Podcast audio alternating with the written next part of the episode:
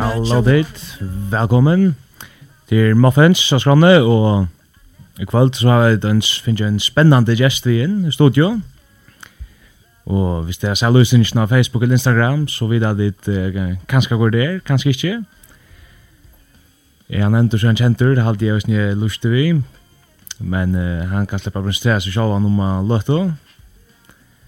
Men uh, annars så har jeg et, uh, en tøyma nå, her som vi bare fra hun og hun sammen, og lusta etter hva han vil si, og håper jeg at det er vi på der.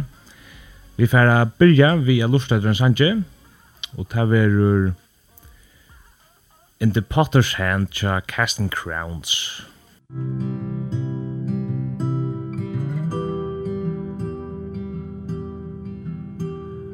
I still remember when I heard you call me by name I'd follow you anywhere Knew I could trust you with it And now sorrow beats down on me Waiting for you to come through. I'm all alone with my questions. I'm dry and cracked open. I thirst for you. And as I fall apart Come flood this day.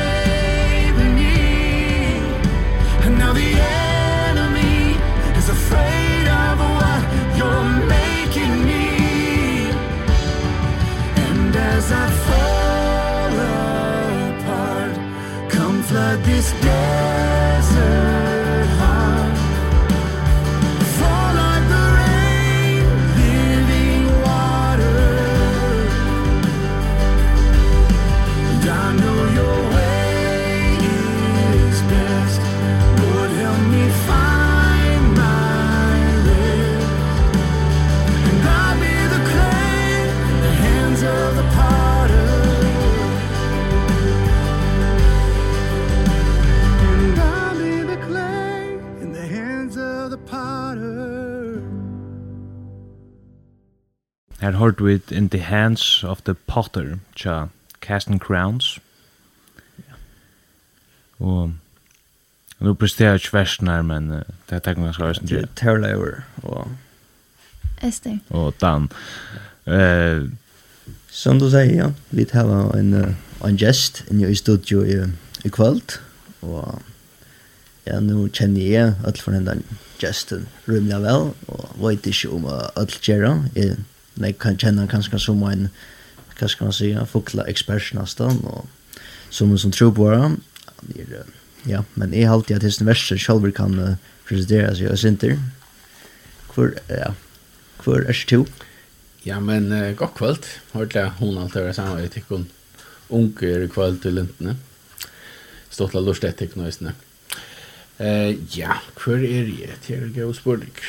Men... Uh, Jeg vet Silas Olofsson, eh, byggby i Sonte, men eh, er i annars uh, utlærter godfrøynger, og så har vi foklarna som sterska nahoa, kan man säga, stora nahoa, og annars så har vi vært tro på det i Torskaland i fyra år, og etter at det ble ut henne, så har vi vært trupper i Mongolia har ju år och så orska, orsaka av corona så är vi så høyma nu men uh, vana släppa ut atter till uh, Västermongolia och i, i augustmanna. Ja. Det är allt för några helt otroligt spennende server som jag har hørt fra Japan Tui Tui nå, nek vi er nå, Det var 20 år. Och ja, nå er jag själv helt inte ikke så rævlig, så ikke. Det var ikke slik at nekon foklar som du gjørst, men det er også nekker helt at sølja flotta mynter og interessant det som du finner jo fram jeg ser Facebook, tøyna, som nekker seg krøysning seg. Men uh, nu tar jeg sitte sporens fra Dan, Dan er sporsendan sporensjen til öll som er kommet innom moffens alt, öll for en vi som sitter her, og til en, du kallar det nesten moffens sporensjen, Ja, jeg halte at uh, Maria Petersen kom ut och gjorde ja. för när ta i hon var öst ner på. Jag har alltid visst så var det hun som kom ut. Ja, och han spurning grön jag så. Guds mötte eh det Jesus där Guds mötte Jesus Silas. Ja. uh, ja men er vuxen upp och i en kristnare familie. Uh, papen min, han var prester i Fuglafjärden i Kirchner. Mm Og ja, men jeg växte opp um, uh, vi uh, altså vi at gänga møte, vi gäng kyrkje, vi gänga i sundagsskola, tja Lin och här i Tapor i Foklafyr og det gjør det meg näck godt. Eh og ja. Eh og så var det så lös at, at, at skickvin fra Bansboy ner och eh George den pastor Ammer. Eh Og ja, men så kan jeg minnes at jeg øyne for hver og øyne uh, ungdomsleve her, um, her det ble grøtt boa uh, om Jesus og vi minnes det et kvöldet da, da vi skulle bia sammen ta jeg vet, altså, jeg trykker vi ikke ble omvendt, jeg trykker vi så for så vidt at jeg var godsbatten så gjerne ble døtter, men, men her tar før fra å være Sinte Moira föräldrarna trygg till att vara min egna trygg. Här eh, lyckas hon. Här det blev mot egna, här eh, EU fyra öron och östene. Jotta i trunna av Jesus og Och lyckas vi inte ha hur det här uh, en person av hur det är eller hur mynta han som är mot trygg Jesus. Ja. Yeah. Jo, det er kjenner jeg også, kjenner jeg at det er også, at det er også nye oppvoksen, og jeg er uh, tryggende familie, så det er, uh, ja, og nå tar du sier til, at jeg har vært oppvoksen til i ødelnes nere i Trønne, og ta, er det sånn annen spørning, jeg tror at, var det så herfra at det kom, nå, som du sier, at du var uh, troboere, at du atletter ved troboere, kom det herfra et det han ikke er det en undersøv at det for det eller mm, ja altså jeg vet ikke om man kan si at det er en undersøv at det for tog um, jeg trykker for så vidt at uh, öll kristen som leser Matteus 8 om man fer ut og gjør öll folk lærersvinner.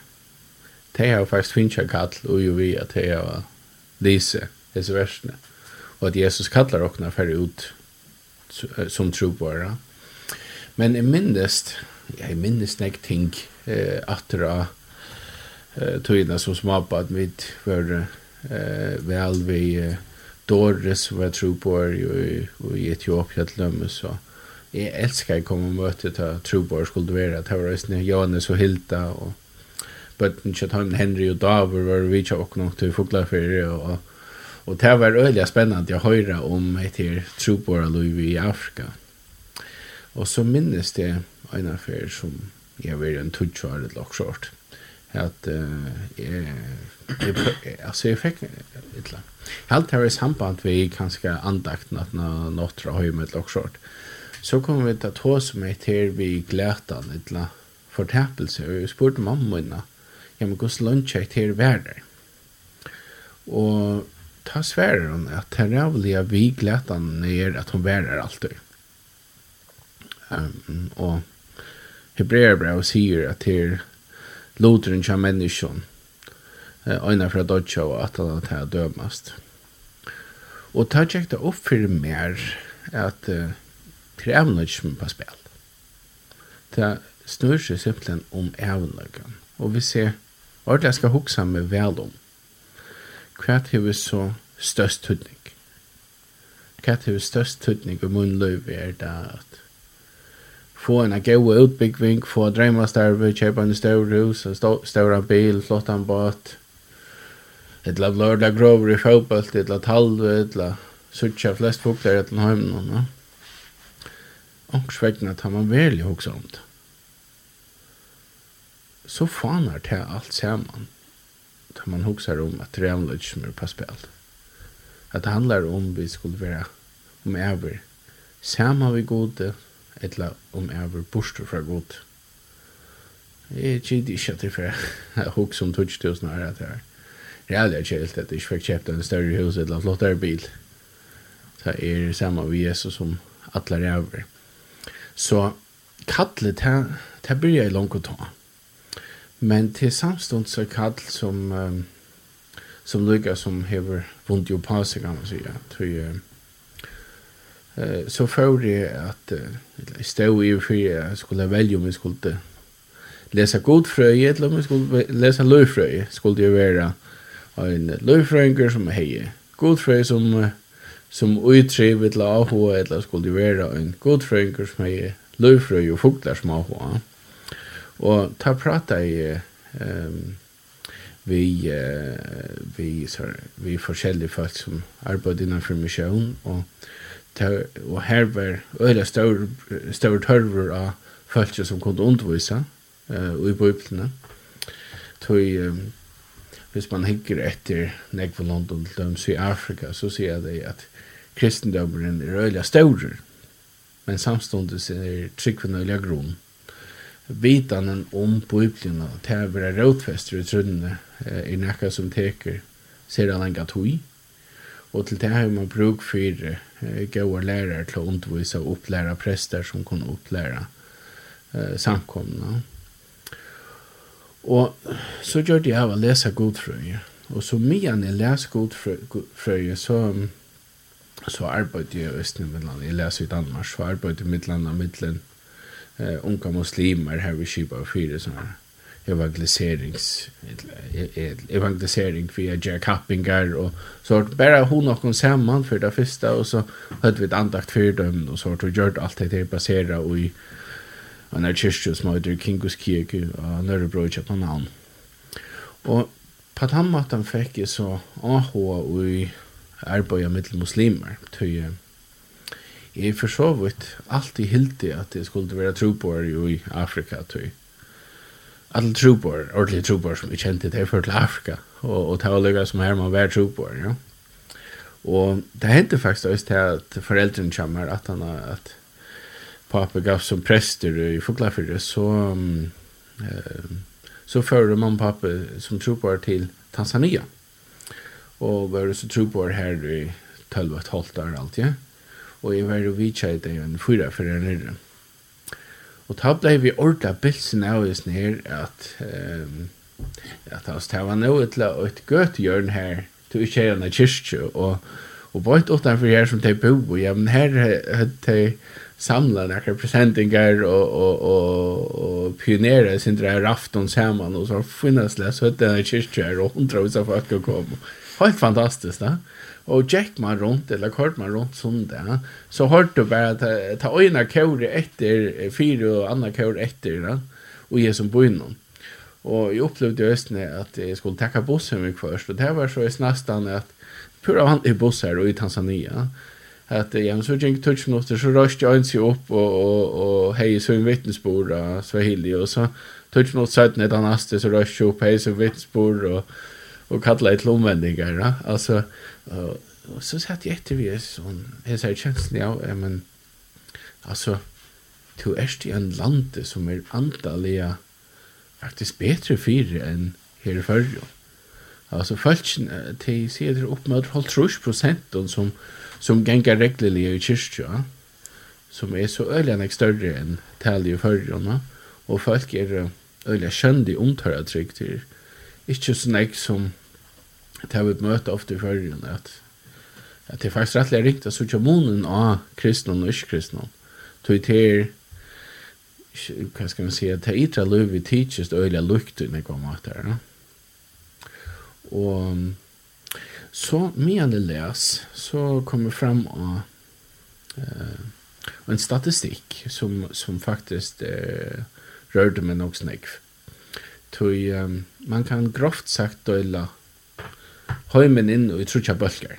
Og den første bølgeren som er en 2 milliarder, 2,5 milliarder lokkrørt, har hørt om Jesus.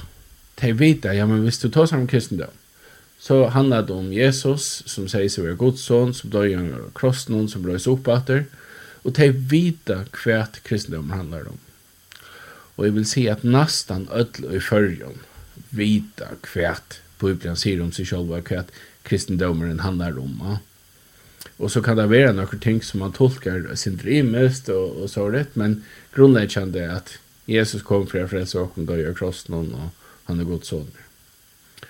Så er det en tringer av alle folkene i heimnon som, um, som har hørt nek om Jesus. Som vita akkurat, akkurat er tjokk fri han var god soner, okkur fri han døy an kross, minst i kjørt litt, god svært. Så det har hørt nek, men ikke så nikv. Og jeg gitt ikke at vi skulle nekk langere enn til Danmarskaren vi møter nok, så nekk på det som folk noen. Som har hørt nekka, men ikke vita røyelig hva Bibelen sier hos seg selv. Og så har vi en trejeng som ångan de har hørt den kristna, kristna vitsboren, ångan de har hørt om Jesus, ytla har det til dem spæra hørt hva islam sier om Jesus, at han ikke er god sånn, at han ikke døy av krossen, og at du ikke først synder syndene fyrtjøven vi trygg Jesus. Og det som så, det som er så les, det var at um, 3,5-4,5 prosent av ødlån trobåren og prestum, predikanten og så videre, arbeider mittelt han treningen som langt har hårst. Og om det 23-40 prosent av öllum trúbóren prestum predikantum arbeiða mittlen tantriingen som hava horsta sinter. Men hvis du teker nøgdina av trúbóren prestum predikantum som arbeiða mittlen tantriingen som unga de horsta kristna båskapen så var det 2,8 prosent. 2,8 prosent av öllum trúbóren som arbeiða mittlen deg. Og en så stortlig statistiker eller tragisk här at at det har råknet ut at, at det har brukt flere penger på grøyleklæger til chili i Amerika enn penger på å bo i evangeliet med til tantringen av utlån folk i hemmen som man kan ha hörst evangeliet. Så det er för mig blev det till att ja men ta Jesus säger för att hur att folklas lön till lärsmannen munnar. Vi tar att döpa dig i namn färgen sådana så en tydlig anda och vi tar att lära dig allt det vi är och bor Så är vi ganska nog tjåd till att säga ja men Fær tog jo gjør öll fölkasløyn til lærersmøyner møyner, hvis ikke til forferdelig til, hvis ikke til forstrævlig. Etla, hvis det ikke for lengt vekk. Etla. Hvis nabeggen ikke for drøyer, så kan det godt vittne for henne. Vi kommer øyelig kjøtt til å gjøre oss, og ikke rikva årsøkken til ikke noe utløs følelsene. Um, men Jesus han kallar oss for utlød. Og hvis vi vilja noe utlød, så skulle, skulle vi prioritere hakre etter vi at færa til det minst nådde og i først atter til 1900 til dem, så var det minne enn 20 prosent av, uh, av folkene i Afrika som har fyrir Sahara som kallar seg kristen. Og i det er det til vel i 30 prosent. Og tog er det færre fra å være et sted her folk ikke har hørt, til å være et sted her rettelig negg folk har hørt. Og så halte jeg at vi nøyest har hørt om Jeg røkker ut til de minst nådde som ikke har hørt evangeliet. Og til er i større mån de som byggva i 24. vindegjennom, som er uh, mars til middelen 20. og 4. Uh, 14. brødd, brøddergrad. Um, og til er økje fra, altså man kan si Nord-Afrika, og, og Saudi-Arabia og Miester som i hvis det er hormoner muslimstøtje, så har du India, eh, som i større mån er, er hinduistisk, og så har du eh, Kina, Japan, eh, eh, Esterasia, som er, i større mån er buddhistisk. Ja. Ja, vi har spurt om uh, när du visste det, eller valgte det här för att uh, missionen och Da forteller Jesus da sværet og rettelig skjøtt at det var, det var en spurning til det visste bare meg, som var vel svære, og, og så så en spurning at træt, at træt hui, visste du også på en vei at, at du, du nevnte til at du hukse i alltid du skulle til Afrika at det tro på Så til vi tar så også alltid vi en sånn at du skulle til færa ut i verden eller så is. Det tar også alltid vært så som, som unger eller så is. Ja, det er jo det faktisk vært. Det har vært lukka så han ja, så langt jeg kan minnast. Eh så det var det at det skulle ut som trubor. Ehm og jeg kan skia nær etla hvordan det kallet kom så så jag konkret men eh i git jag huxar ju gosser ehm ofta så läser goda snä brukar det går som tar vi skulle ha hot till till till det faktiskt då och som god ger ett på en sjönaskall. Alltså affära till en stä här han absolut inte tumra affära för att virka mittel några folk som man heter av en god hjärta. Det är inte så rädda vanligt. De flesta folk som färre ut som troboar eh, av östne, ho og, og möjliga for at at leva mellan andre folkeslø og, og være gå med gå vi til folk som man lever i mitten og så vart. Så så i gitt jo i større mån at god og jeg bruker å kunne hver vidt så en ære vi tar mon gav och vi tar en en og så vi tar. Ja. Ja.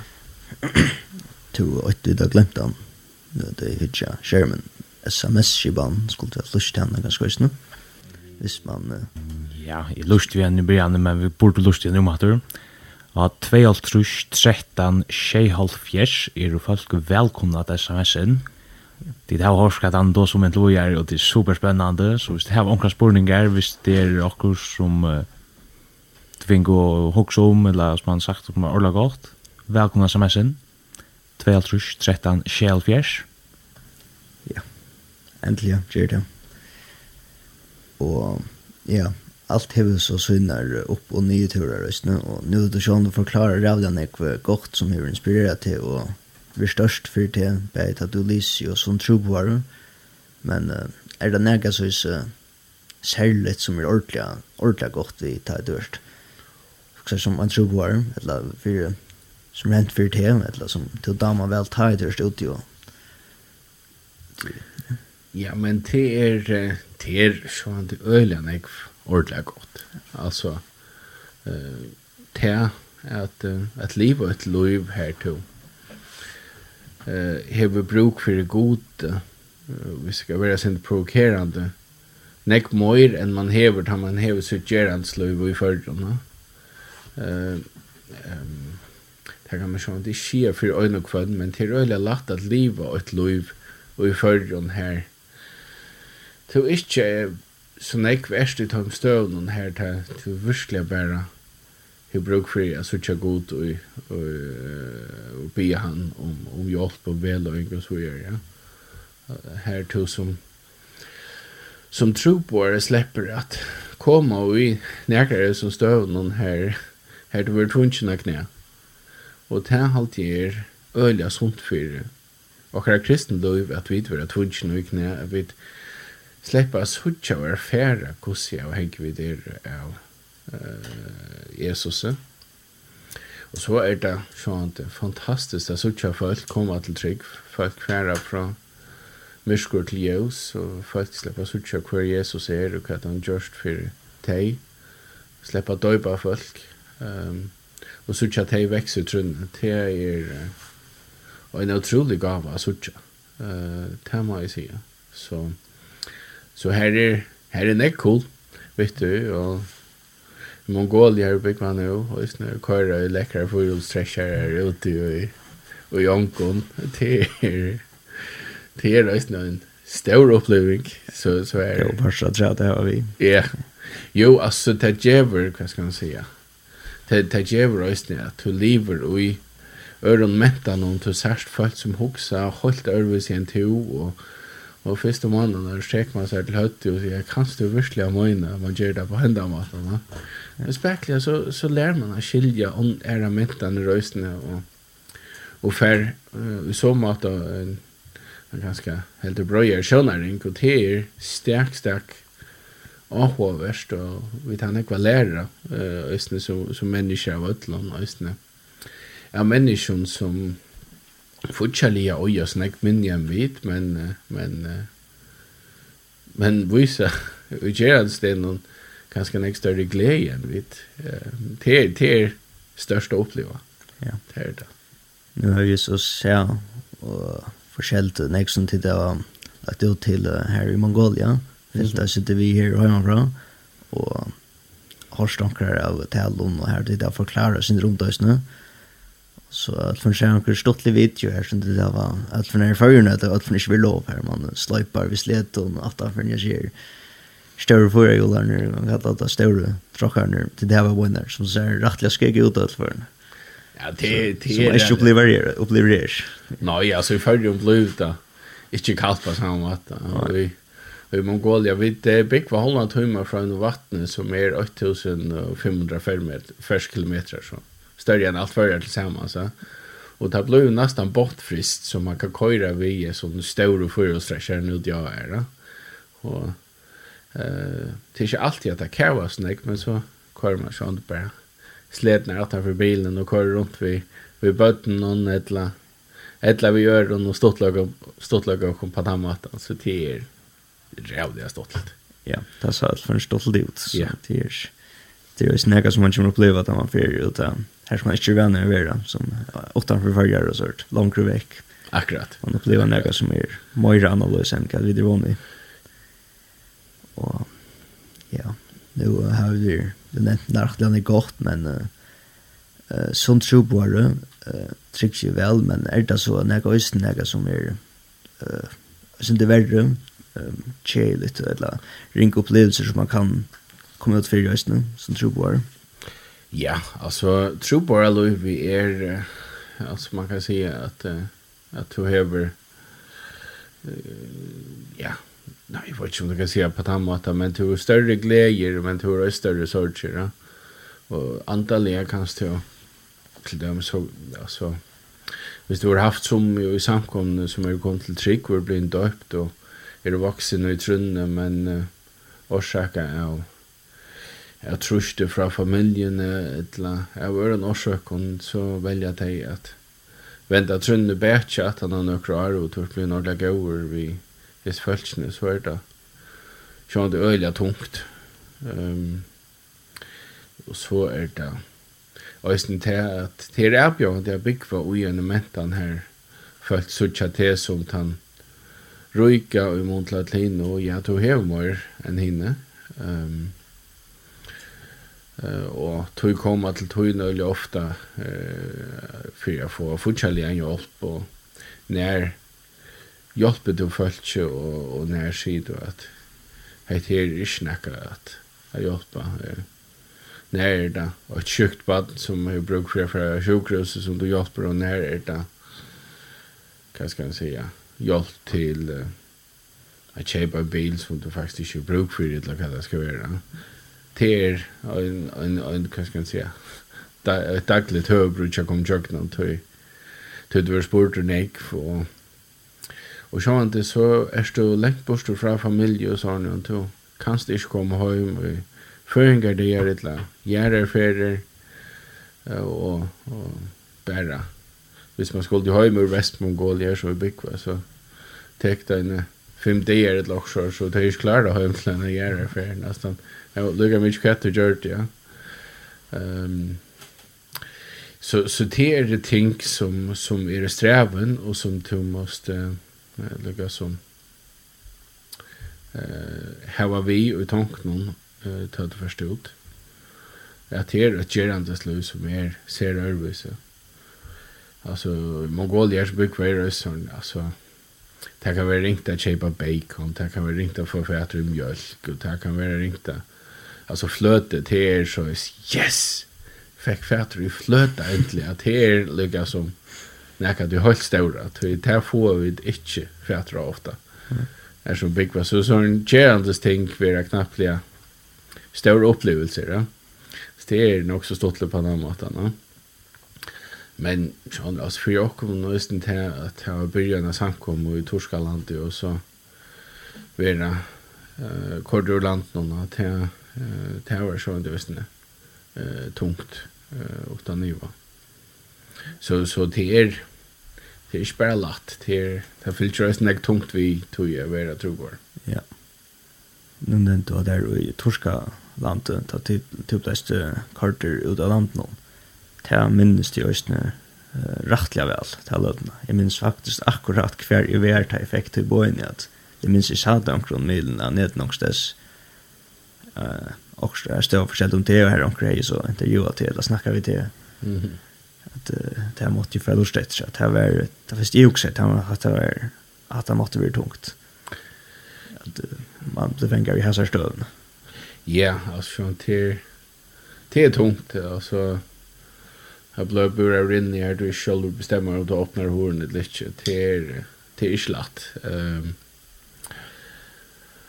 Og sjån det øyne i 18 nå, altså, det har du brukt så lenge tog på det som at gjøre uiløver ui, og alt de falskene som uh, her du har spyrja over uh, en affær, um, hva skal man sija, og i møte trunnet til folk som akkurat er kom til trygg, men som tog hever stola og, og hjolta, at du knappt ikke først var i samme av tøymen.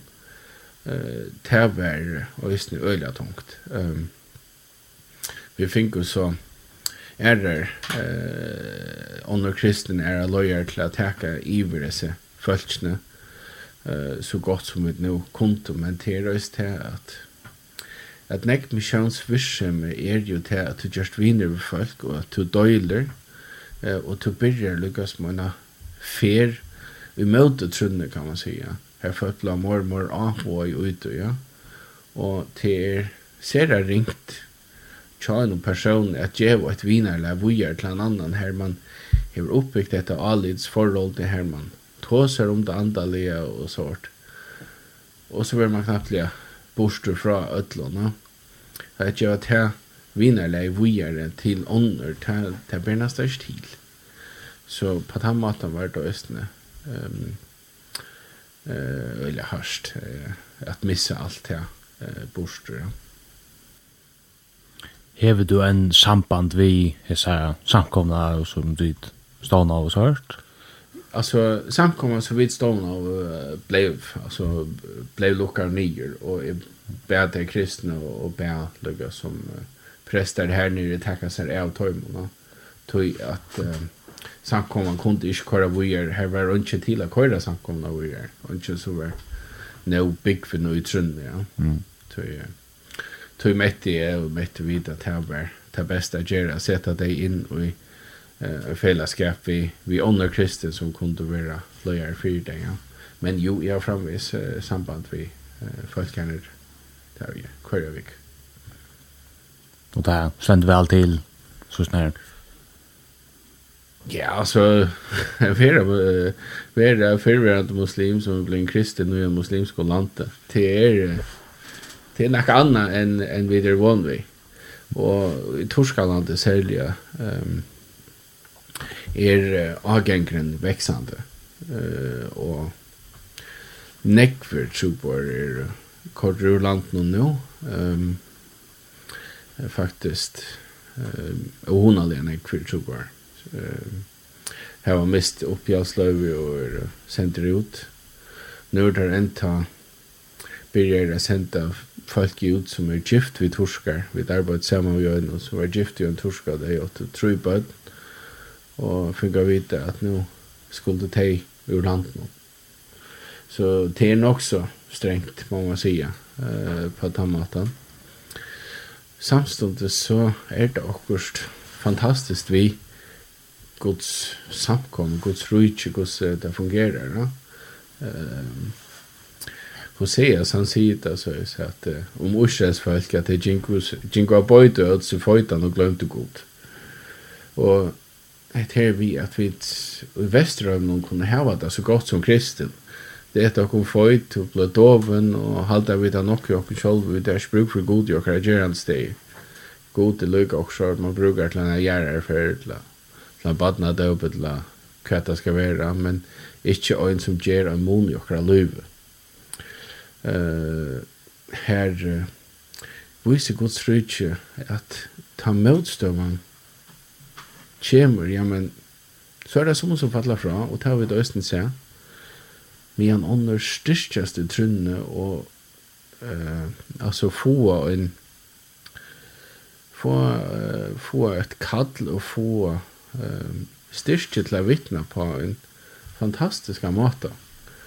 Og det som er så hovedkjent her at vi i Torskland er du ikke stått, altså ikke tryggvande til ståttleger. Du uh, først ikke i kyrkje tog at uh, du skal få gå og drekke om noen at han har et eller fyrt det sosiale. Her stendt du virkelig ui og en støv her. Uh, Du kan miste alt. Eh, tog seg vi en ungan drong, og en av en av de første som jeg lærte vel å kjenne her nere. Og, og han, papi hans her var husameklare til dem, så... Og han, han var nøytjan år og åtte bil og iPad og alt hva han kunne ikke seg. Um, og, men han var også ja, og i kristendommen og i gavnen av Bibelen, og vi tog seg nekk om, om uh, trunne og så videre. Ja. Og så sier han et kveld er vi. Um, til Silas, vi ser for jeg trykker at Jesus han er vever sannløyden og løyve hvis jeg får trykva tog og sier til vi i familien og kjønner, så for det første var det blekka rundt. Papen var en strengere muslimer. For det neste så får han at uh, stegga vi at rinda for utbyggvinsene kommer. Han leser universiteten i Ankara. Og så får jeg unge utbyggving. Og det vil si at um, for jeg unge at jeg får ekka godt starv. Um, og det er mest røysene at sannløydkjentene kommer mer å giftast vera øyla land. Så jeg får i aller resten unga kon. Og, og i ringaste før så kan papen finne, finne på å slå meg ihjel. Og det er det er kanskje øyla lagt å si ja, men kjolan skal du velge Jesus. Da vi sitter i fyrir, no? Så vi donker have to uppleve, jeg ser avløyngarna fyrir. Men jeg sitter i for en sånn nødvendig gamle som hever alt han kunne hukse seg. Og at han er jo skilt båskapen. Og hvis han teker vi båskapen, så kan det jo lette hans herre gjerdiska liv totalt. Det er knapt ikke så lett langt. Jeg sier, ja, men Jesus er veveren sannleggen og liv. Og lykke så er det just her vi må sige og at det er det som Jesus krever av det. Han som vil standa med, i, standa vi med i formånden vil jeg standa vi i forfærmunnen i himmelen, sier Jesus. Og tør som bliva kristne, tør færre ikke gjørna til til sluttlager, tør, tør møyna nekka vitt, og det er, det er fantastisk, det er Tui Tui det er god som gjør at under, og det er ikke, hva skal jeg si, at mennesker som selger et produkt, det er bare hele enden som kan gjøre at det er. Ta, ta det så størst press. Så ta du spørst om det gonger vel ennir, så, så, hvis du hygger etter um, menneskerettendon og, og hvordan det var kyrst, kyrkjer og lastar og prester som var blekka i ut og, og, og kristen som vera akkard for alt møvligt uh, ja men så så gong det ytla i Torskaland Hikk du hin vein etter hvordan jeg fer inn og hitja etter kristnun heima og søgjum innskja få hana bibli og tilsenda uh, og og som ut i løgnlige er ser av i kristendomen. Så gångt det helt fantastiskt. Så til lycka som at vi som mennesker må hitcha inte vi vi mennesker egen men vi vi til antall i egen tror at på tammatan ja så er det hvem øyneste det er folk som kommer til trygg av Jesus i Torskalandet. og ehm um, Sjalt om det ikke er jeg vil ha større vetsingar ved Sucha, ja, men så er det større vetsingar enn vi nekker det av oss her i Torskaland. Og tog er det fantastisk å være vittne til selv om om vi ikke får være vi som, som en aktiv pastor anna det forbund. Så så det händer ting. Eh, uh, avhörvers nog så så tar sig vi faktiskt en en assyrisk prest ur ur Libanon till. Her er en akkade gommel eh, assyrisk, jakobinsk, kaldeisk, ortodox kyrka. Eh, og jag fick prata med vid presten her, og han säger ja, men, at eh, etter øyla sås, old school eh, kyrkja som pratika av arameiskon og hava øyla gamla ehm ehm Öliga gamla liturgi, det säger liturgi är ganska nu är han hundra år gammal och, och sånt här så till öliga avhörst för att godständas där då. Men i Torskaland till dem släppa det inte att täcka näkran muslim vid godständas det bära eh ehm bära te som hör till tala folkabölk. Men i, i Libanon. Her, her, her upplevde de at uh, alltså att uh, det var bara om att få plats vi vi vi eh i kyrkjen och det var allt uh, syriska muslimer som kommer og och bara vilt och höra budskapet. Och han säger så att det er å se alla rævløgene i Syrien och ta ta var ta islam med jag började dem så ville det inte vara muslimer långt så det de kom att Jesus. Han är akkurat döpt under 20 muslimer vid knarren. Och i spurte jag nästan om vad ska till för Arne tas hemma händer i Torskaland i mitten till armensk och arameisk och kaldeisk kyrkner som är där sånt. Och så säger han ja men stövar man fyrst blå nekver arme kyrkor. Ehm um, Og jeg trykker til, til er en, en sann og ikke At øyelig ofte så henger, hva skal jeg si det, motstøva og vekingar skjermen. Uh, ta, ta ikke langer erst, um, erst lykka som öll hinne ta du er kristen, men her det krever nekka av der, her det krever, her det kostar nekka av være kristen. Til ta at du sørst at uh, at vekkingarna uh, koma veldig ofta. Ja.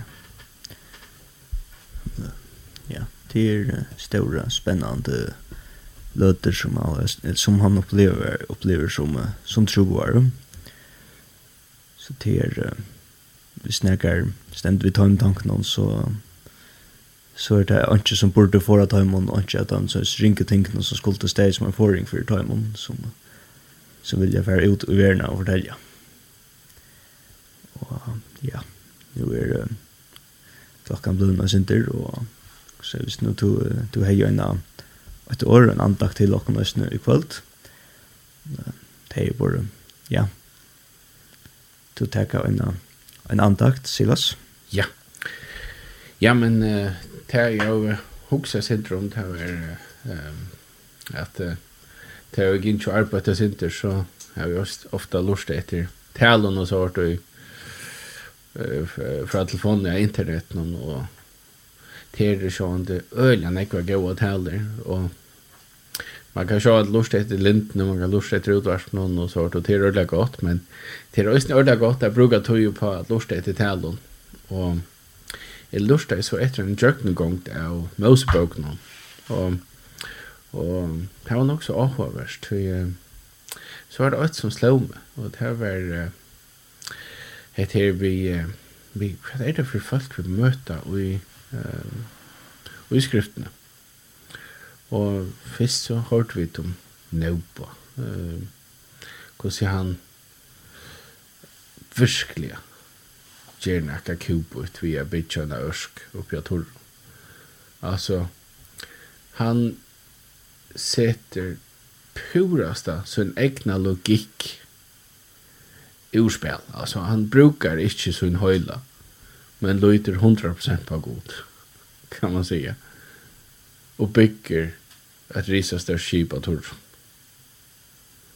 Det är ju gott nog kraft. Extremt stora tryck vad gör det här alltså. För att hur uppe klack och bygger ett risastör skip alltså det, det er så lengt ut som det kan være. Men nå han gjør det. Vi tar om Abraham, han er kattlar til at færa fra et land tog han kjenner til et land som god til å bestemme. Og han føres det. Og vi tar at han brukar mest som alt sitt lov på å bo etter en sånne som god til å lov honom. Mm Så han endelig er affæren, og Isak, så sier god han skal offre han. Og heldur han å bruka sin egna logikk, så lyder han av god og er trøyere gjør det. Og ja, helt utrolig hva det er større trygg på. Ja, det er ikke av lukka større trygg. Um, tog Hvordan er det vi mer? Klarer i å gjøre at jeg tenkte vi skulle ta i kattene med til hans tenkene? Jeg er klarer å sette meg selv en sånn ekkel viks at jeg klarer det. Jeg gjør det som du har gjort.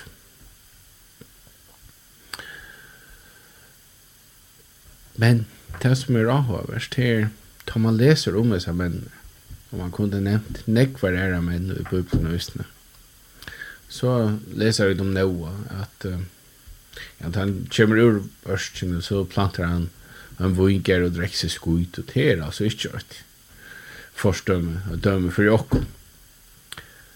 Og Abraham, han er ganske enn verre, tøy, han ble så avtålende at han eh, faktisk er kone sin i avtrykker og fær av baden vi en kjellkvinne, Hagar, Ismail. Heldre kjøtt, fire dømme for jokken, i overhøver. Og Ta vi hugsa om misjon, Så er det tjøknum gengat i alle skriftene at god ikkje brukar okkon til vi videre fullkom. Hei god bæra brukta av fullkomna, så er han ikke brukt nekran av okkon. Tog åndsna okkon er fullkom.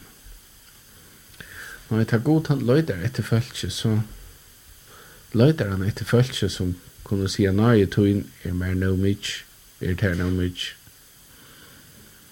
Her vid liv at et liv i fyrigjøring, og et liv her vid ikke er fullkommen, men ikke er brukt ui gods hånd.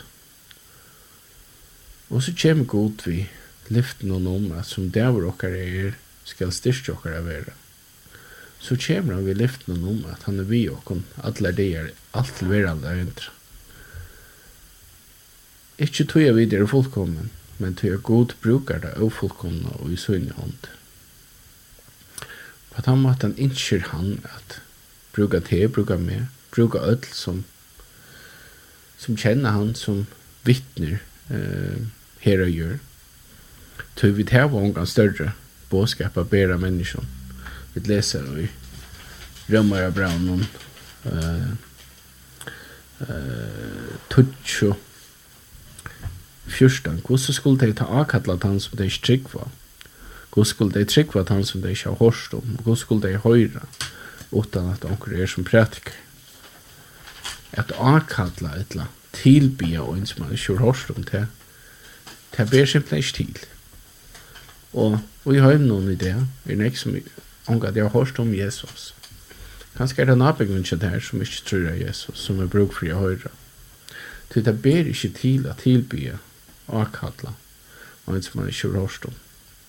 Og det ber ikke til å høre utan at dere er som taler, som pratiker, som forteller, som er en vittnesbord. Og tog må vi dvera vittnesbordet.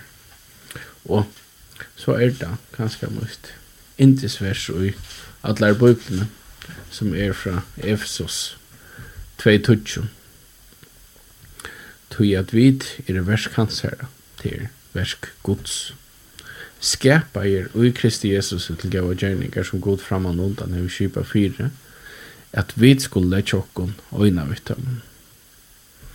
Vi er versk gods, God hever skapa okkon. Og han hever skapa okkon vi en endamal. Og ta endamal, det er at vera skapa er ui Kristi Jesus til gaua gjerninger Vi er skapare til at tryggva Jesus og til at genka i gåun gjerron som god har lagt rattis. Så det er ikke etter min løyve, og det er ikke etter min løyve, så er, er det det løyve som god ikke har bruka, som god ikke at letja gjerninger, gåa gjerri til rattis fyrir. Han innskir at leitja gjerningar gratis fyrir te a gengui, fyrir me a gengui. Og det som er så frugjera er, som til at det er god som lover a gjerra det. Om til at vittna fyrir Recep Tayyip Erdogan og i Torskaland eller om til at uh, hjelpa ommetøyne vi tøysmåne bruk fyrir. Ja, men det er alt gau gjerningar. Og god legger disse gjerningar til rattes fyrir okkom. Så det er merker at okkar oppgave som kristen til er at genka ut om gå og gjøre noen som god til lagt rett. Så byrja kvendt det vi er be god om å vise okken disse gjerne at vi må få øyre til å høre hva disse gjerningene er og eie til å sutja hva disse gjerne er og men øyne at vi vi må få styrst og vilja til å gjøre disse til å gjøre det genka ui som gå og gjøre noen Så det må, det må vi bare minnes til, og så blir det virkelig spennende å være kristen. Til. Hva er det gode lagt til rettes? For meg i det, for te i det, hva er det gode ønsker å bruke åkken til?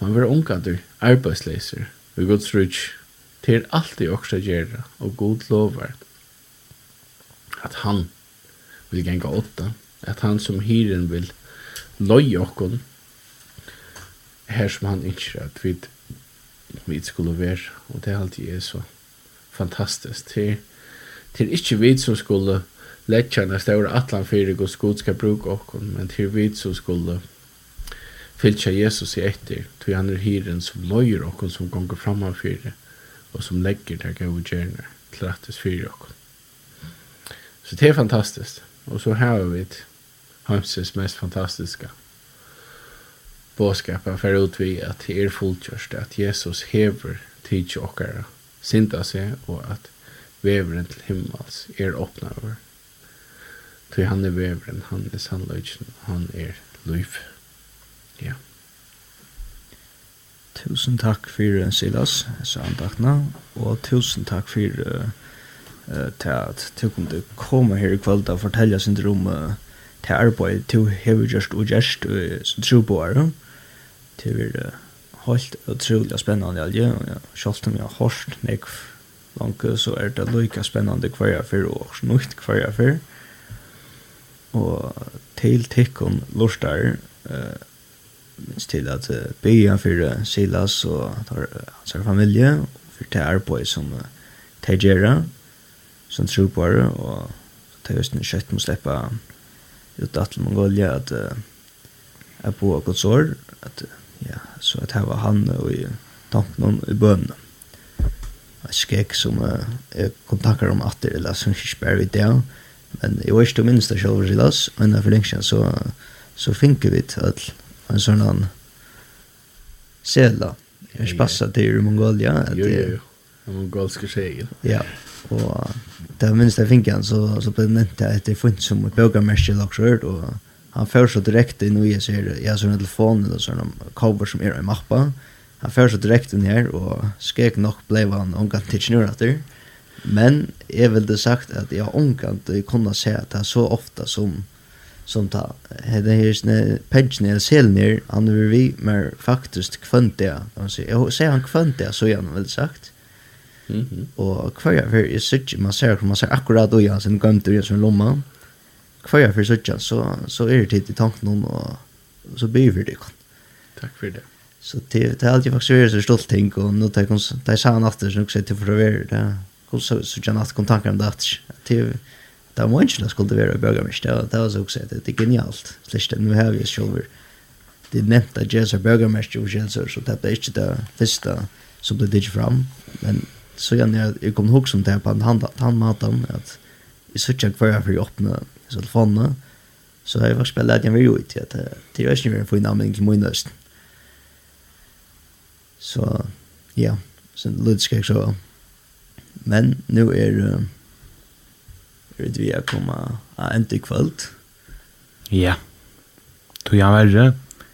Vi vet sikkert kunne prate om lønnsjøtrekt. Men det må være nær for om du ikke rømmer æren. ja. Men uh, en sending vil frutja deg klokkan 16 og leier morgen klokkan 08.00. Annars kan finne seg sendingen av Østninja linden.fo under gamla sendingar og sånt. Så vi takkar større fyrir Silas at du vil komme inn. Ja, gjør så vel, og god sikning i arbeidene vi er som sender nå. Takk for det. Takk for det. Du uh, valgte øyla, du hei øyt sanginskje, vil du lukka sleppa lusa det som det sørsta, eller? Ja, altså det er Petra Dam er rødja vel, gammal kristen rockbølger. Um, og det er til en, en sanger som handlar om hvordan vi er i kyrkja, det er vi at uh, sitter man bare inne i kyrkjene og hikker etter det som uh, mosaiken och ett den vökra vindöven som pojkar ut i hajmen. Och så stånds man horna så man inte kan komma in och öräkva sig inne i samkomne så vi kunde vara kristen på och gåa mata inn i kyrkene illa. Er vi kristen som fär ut i hajmen, som rökar ut till folk och som är till röjer att få målta händerna kan man säga. Så löser att vi kommer ut till folk vi bådskapen og ikke bare bo etter at folk kommer til dere.